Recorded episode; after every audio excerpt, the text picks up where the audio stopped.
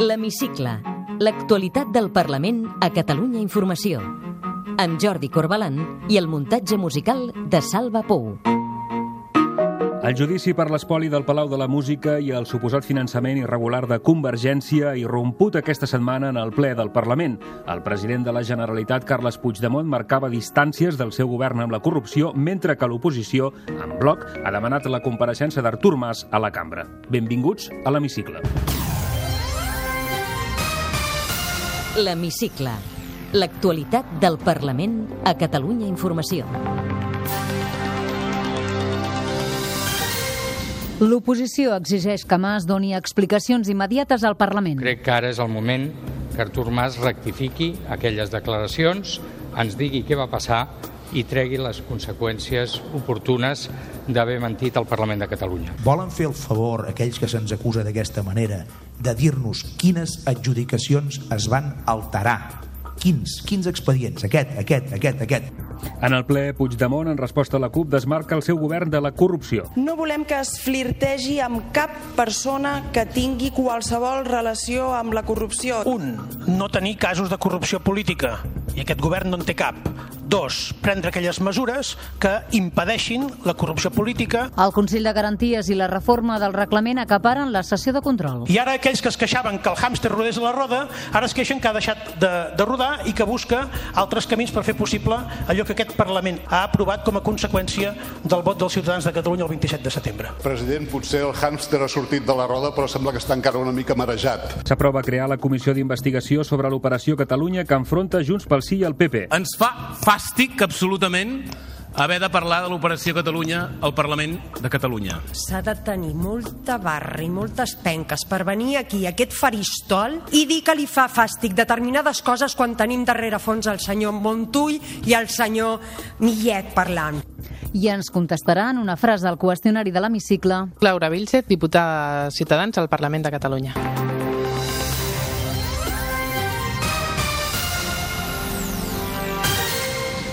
Ferrovial hacía donaciones para que el dinero fuera a Convergencia a cambio de obra pública que Convergencia le daba. Primero era el del 3%. Uh -huh. Y después fue del 4%. ¿Que fue por el coste de la vida o por...? No, porque Convergencia, Convergencia quería más dinero. ¿Qué es pagament a Daniel y quién es Daniel? Pues Daniel es el señor Daniel. El senyor Millet el coneixia per la premsa i pels mitjans de, de comunicació perquè era un home molt, molt conegut a Barcelona. Durant... Que personalment no havia vist mai. Obra pública, escolti, no en sé res, ni mitja paraula. Jo amb aquests dos senyors de Ferrovial els he conegut aquests dies aquí. Jo no havia tingut cap conversa, cap reunió, cap trobada, cap negociació, i això ho afirmo amb tota rotunditat. Totalment fals. El judici del cas Palau i el 3% han irromput aquesta setmana al Parlament coincidint amb el ple. Tots els grups de l'oposició han demanat la compareixença de l'expresident de la Generalitat, Artur Mas, perquè doni explicacions de manera immediata a la cambra pel suposat finançament irregular de Convergència. De moment, l'expresident s'ha explicat fora del Parlament per acusar Millet i els Montull de mentir en el judici per l'espoli del Palau de la Música. Ho expliquem amb Carme Montero. L'expresident de Convergència i actual president del PDeCAT fa costat plenament a l'extresorer de Convergència, Daniel Osàcar, i repta l'oposició a assenyalar quines adjudicacions d'obra pública es van fer irregularment. Una vegada escoltada la versió del senyor Daniel Osàcar, jo em ratifico amb tot el que havíem dit eh, fins ara. Eh, primer, la plena confiança en ell, absoluta, total, i segon, el que ha explicat ell és que moltes de les coses que es van dir el primer dia eren eh, simplement mentida. Avui ha donat una versió molt clara, molt rotunda, crec que a més a més doncs, eh, molt eh, honesta en el sentit de que ell moltes de les acusacions que se li estan fent són eh, pura invenció o pura mentida o deixeu-m'ho dir, pura manera de protegir-se alguna gent que necessiten rebaixar les seves penes perquè és manifest que van estar robant diners del Palau de la Música.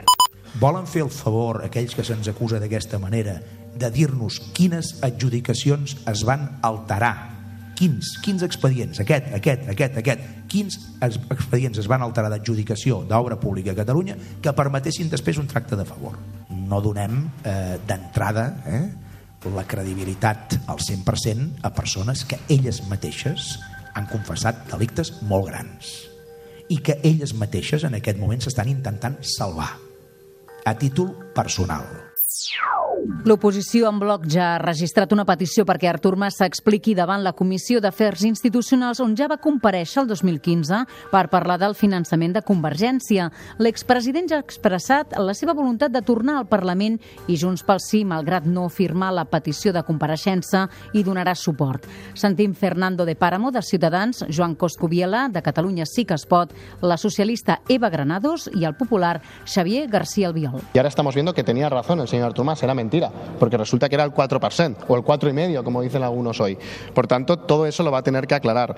Él era presidente del partido, ha sido durante mucho tiempo, se han inventado un partido para tapar esa corrupción y el game over de la carrera del señor Mas, de lo que quedaba de la carrera política del señor Mas, ha llegado. Catalunya sí que es pot considera absolutament imprescindible de que el senyor Mas comparegui ja, vol dir la propera setmana, a donar explicacions amb l'àmbit parlamentari i també assumir les seves responsabilitats. Volem que no continuï negant, sinó que doni explicacions. Tenim proves, les proves s'estan aportant en el judici penal i per tant volem conèixer tota la veritat. O Artur Mas s'ha emportat ell els diners, cosa que jo no, no crec, no tinc cap evidència, o els diners han anat cap a, al partit. En el cas de, de Bárcenas crec que s'ha demostrat que els diners se'ls quedava aquest, aquest senyor, no? Per tant estem parlant de dues realitats totalment diferents. Des d'Esquerra, socis del PDeCAT al govern i al Parlament van deixar clara la seva tolerància zero contra la corrupció després de sentir les declaracions dels exresponsables del Palau. El portaveu d'Esquerra, Sergi Sabrià, va ser així de taxatiu. que ens creen un rebuig i un fàstic eh, profund, que entenem que aquestes situacions no poden tenir lloc a la nostra societat i que respecte al futur eh, nosaltres entenem que el nou país en cap cas eh, s'ho pot permetre. L'hemicicle. L'actualitat del Parlament a Catalunya Informació. L'arrencada del judici pel cas del Palau i la declaració de Fèlix Millet va coincidir dimecres amb la sessió de control al president de la Generalitat en el ple del Parlament. El president Carles Puigdemont desvinculava el seu govern del cas Palau i defensava que l'executiu que ell presideix no hi ha cap cas de corrupció. Sessió de control. Puigdemont va fer aquestes afirmacions en resposta a la diputada de la CUP, Anna Gabriel. Sentim la seqüència. Ja veu, això no té res a veure amb asseure independentistes a la banqueta. Això és, de fet, tota una altra cosa. Quina és l'agenda política del govern en relació a la lluita contra la corrupció? Passa, bàsicament, per dos compromisos. Un, no tenir casos de corrupció política, i aquest govern no en té cap.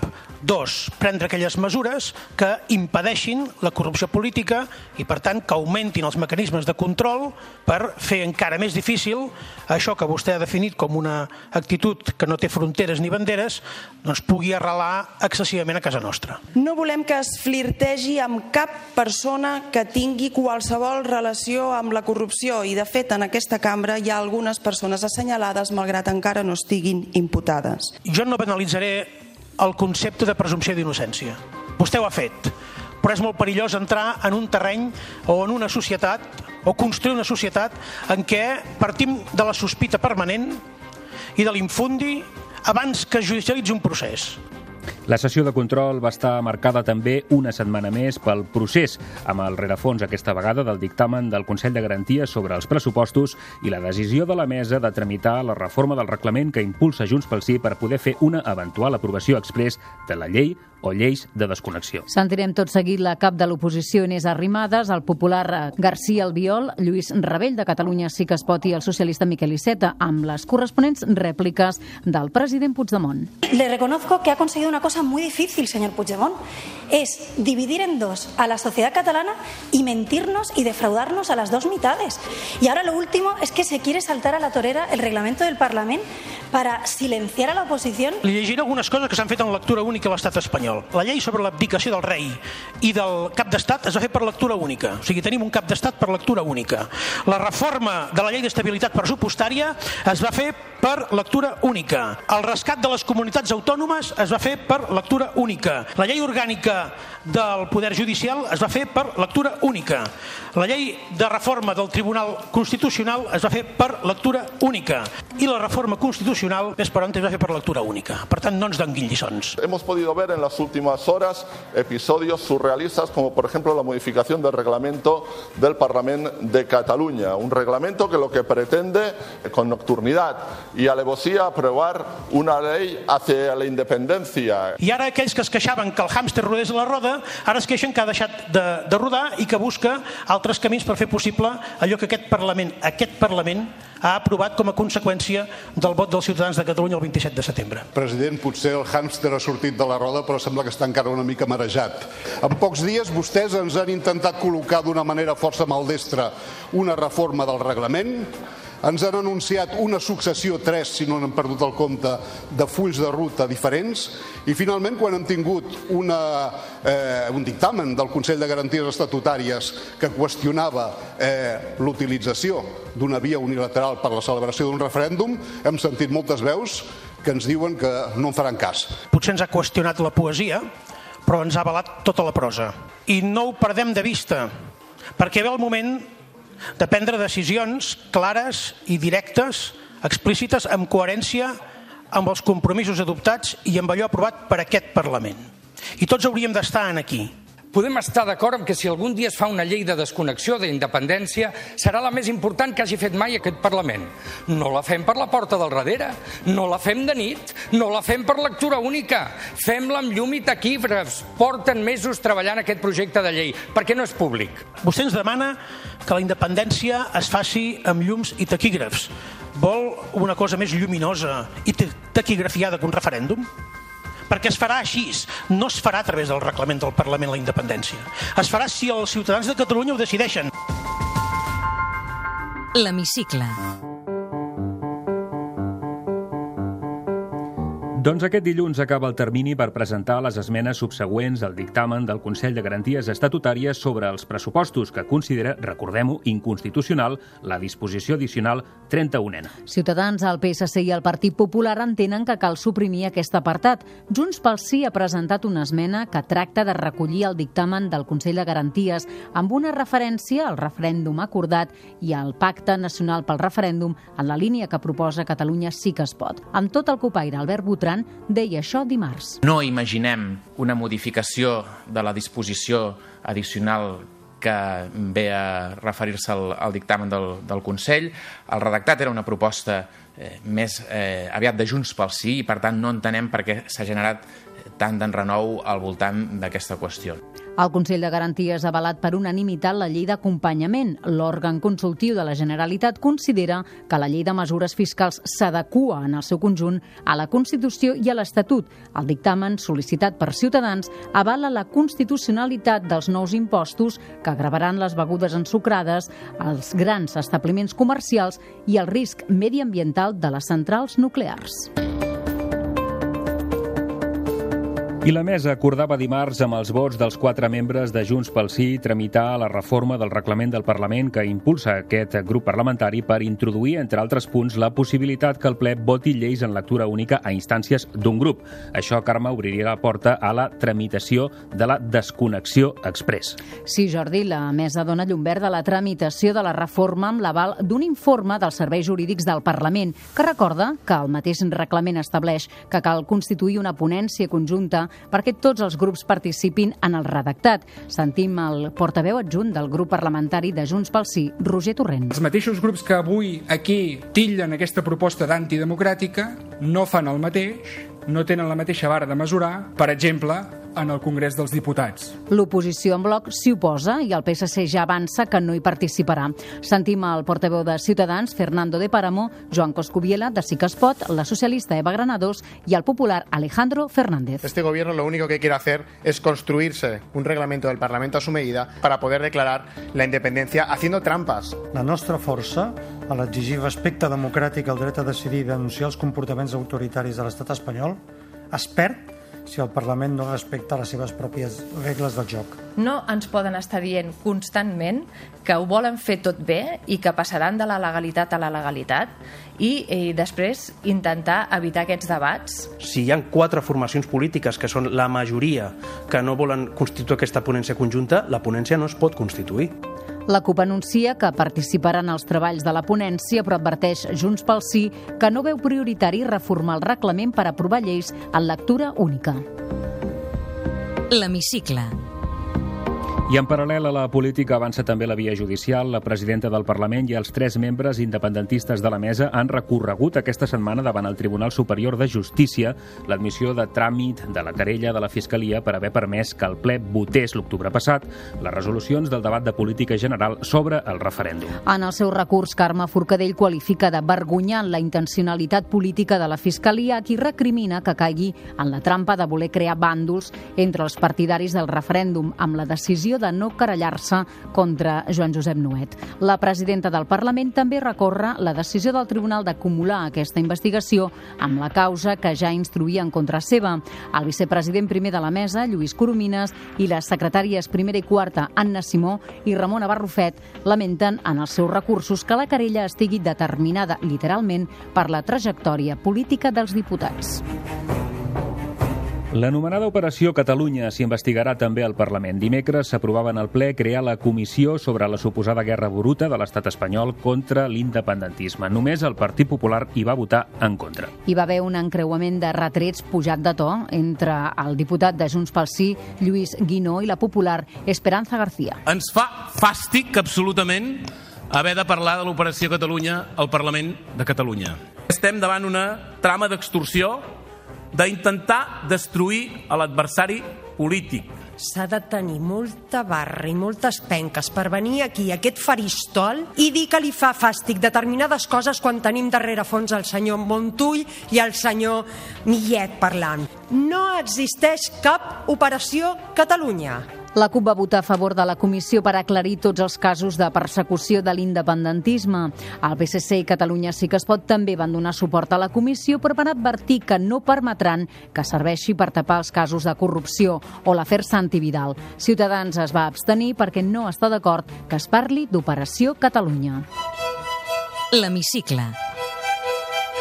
Unanimitat al Parlament perquè es retornin els diners confiscats a particulars durant la Guerra Civil i el franquisme. Ara es portarà aquesta petició a la mesa del Congrés perquè es modifiqui la llei de memòria històrica. L'acord de tots els grups es va aconseguir incloent la proposta del Partit Popular perquè també es retornin els diners que els governs de la República i de la Generalitat van confiscar de bancs i caixes per finançar el bàndol republicà durant la Guerra Civil.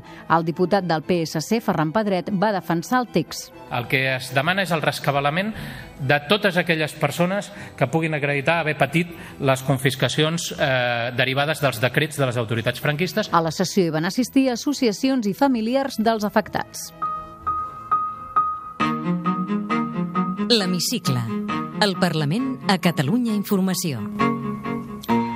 Del ple d'aquesta setmana destaquem també aquests altres aspectes.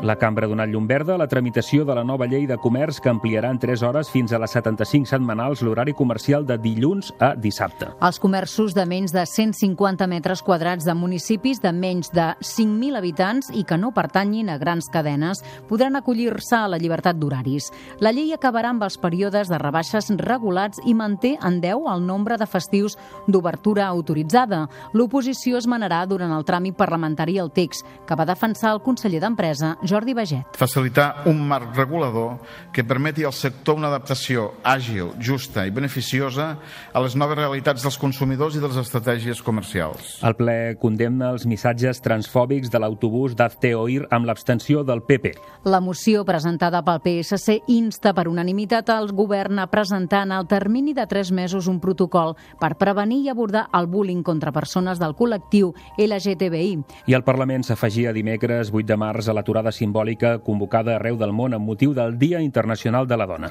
Es va aturar el ple i les diputades i diputats, encapçalats per Carme Forcadell i Carles Puigdemont, es van concentrar davant la façana del Parlament. La presidenta va llegir una declaració en què va reivindicar la llei catalana d'igualtat tombada en part pel Constitucional. És una eina que cal acabar de desplegar i que cal utilitzar malgrat els entrebancs que ha sofert, perquè no ens podem resignar a acceptar les desigualtats.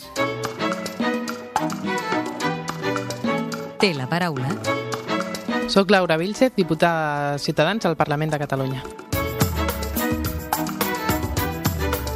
En una frase. El seu compte de Twitter diu en anglès que està decidida a rebel·lar-se. És una declaració d'intencions vital o política? Política. Rebel·lar-se contra què o contra qui? Rebel·lar-me contra l'establishment. Què n'espera d'aquest curs polític? Resoldre molts problemes dels catalans. Referèndum o game over, com diu el portaveu del seu grup, Fernando de Páramo? Game over. El hàmster ha baixat de la roda, com diu el president Puigdemont? Sí, ja està marejat, diuen. Si el govern tirés endavant el referèndum, quina creu que hauria de ser la resposta de l'Estat? No crec que arribem a aquest punt. A què es dedicava professionalment abans d'entrar al Parlament? Administració d'empreses. I per què decideix entrar a la política? Per canviar les coses. Havia simpatitzat o militat mai en algun altre partit abans d'afiliar-se a Ciutadans? No, mai. Quina llei li agradaria més aprovar aquesta legislatura? Una proposició de llei que hem presentat nosaltres contra el maltractament infantil en l'àmbit educatiu. Dels temes que porta al Parlament, què l'omple més? Infància. Un referent polític. Clara Campomor. A les últimes municipals va formar part de la candidatura de Ciutadans a Sabadell, la seva ciutat. Al Parlament es fa també política de proximitat? Nosaltres crec que sí. És sòcia d'alguna ONG o entitat cívica? No sóc sòcia, però hi col·laboro. A Save the Children.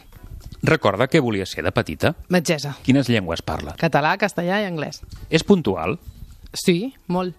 Acostuma a donar almoina? Sí. Deixa propina? Sí, quasi sempre. Digui'ns el seu principal defecte. Timidesa. I ara la seva principal virtut. Això que ho diguin els meus companys. Té pla de pensions? Sí. Recorda quan ha pagat de llum a l'últim rebut? Molt. Aproximadament crec que van ser 150 euros. Viu de lloguer o de propietat? De propietat amb hipoteca. Té segona residència? No. I quan vol desconnectar del tot, on s'escapa? Al mar. Qualsevol lloc on hi hagi mar. Fa esport amb certa freqüència? Amb molt poca freqüència. Dolç o salat? Dolç. Té traça amb els fogons, amb la cuina? Sí, sí, déu nhi Què ens cuinaria ara mateix? Ara mateix, per berenar, un pa de pessic. Està enganxada a alguna sèrie de la tele? Uh, sí, a Stranger Things i The Walking Dead. Sap quants seguidors té a Twitter? Mil i algú? Recomani'ns un llibre que hagi llegit fa poc. Acabo d'acabar Pàtria, de Fernando Aramburu. La banda sonora que posaria a la seva vida. Revolver. Dorm amb el mòbil a la tauleta de nit? Sí. El racó de Sabadell, la seva ciutat, que no podem deixar de visitar. El racó del Campanar. Si l'haguéssim de buscar en una ciutat del món, on la podríem trobar? A Roma. Hi ha alguna cosa després de la mort? Crec que no. I què l'omple més a la vida? Estar amb els meus fills. Laura Vilchez, diputada de Ciutadans, gràcies per ser avui a l'hemicicle. Gràcies a vosaltres. Podeu tornar a sentir l'hemicicle al web catradio.cat barra hemicicle i seguir l'actualitat del Parlament al compte de Twitter arroba cati-política.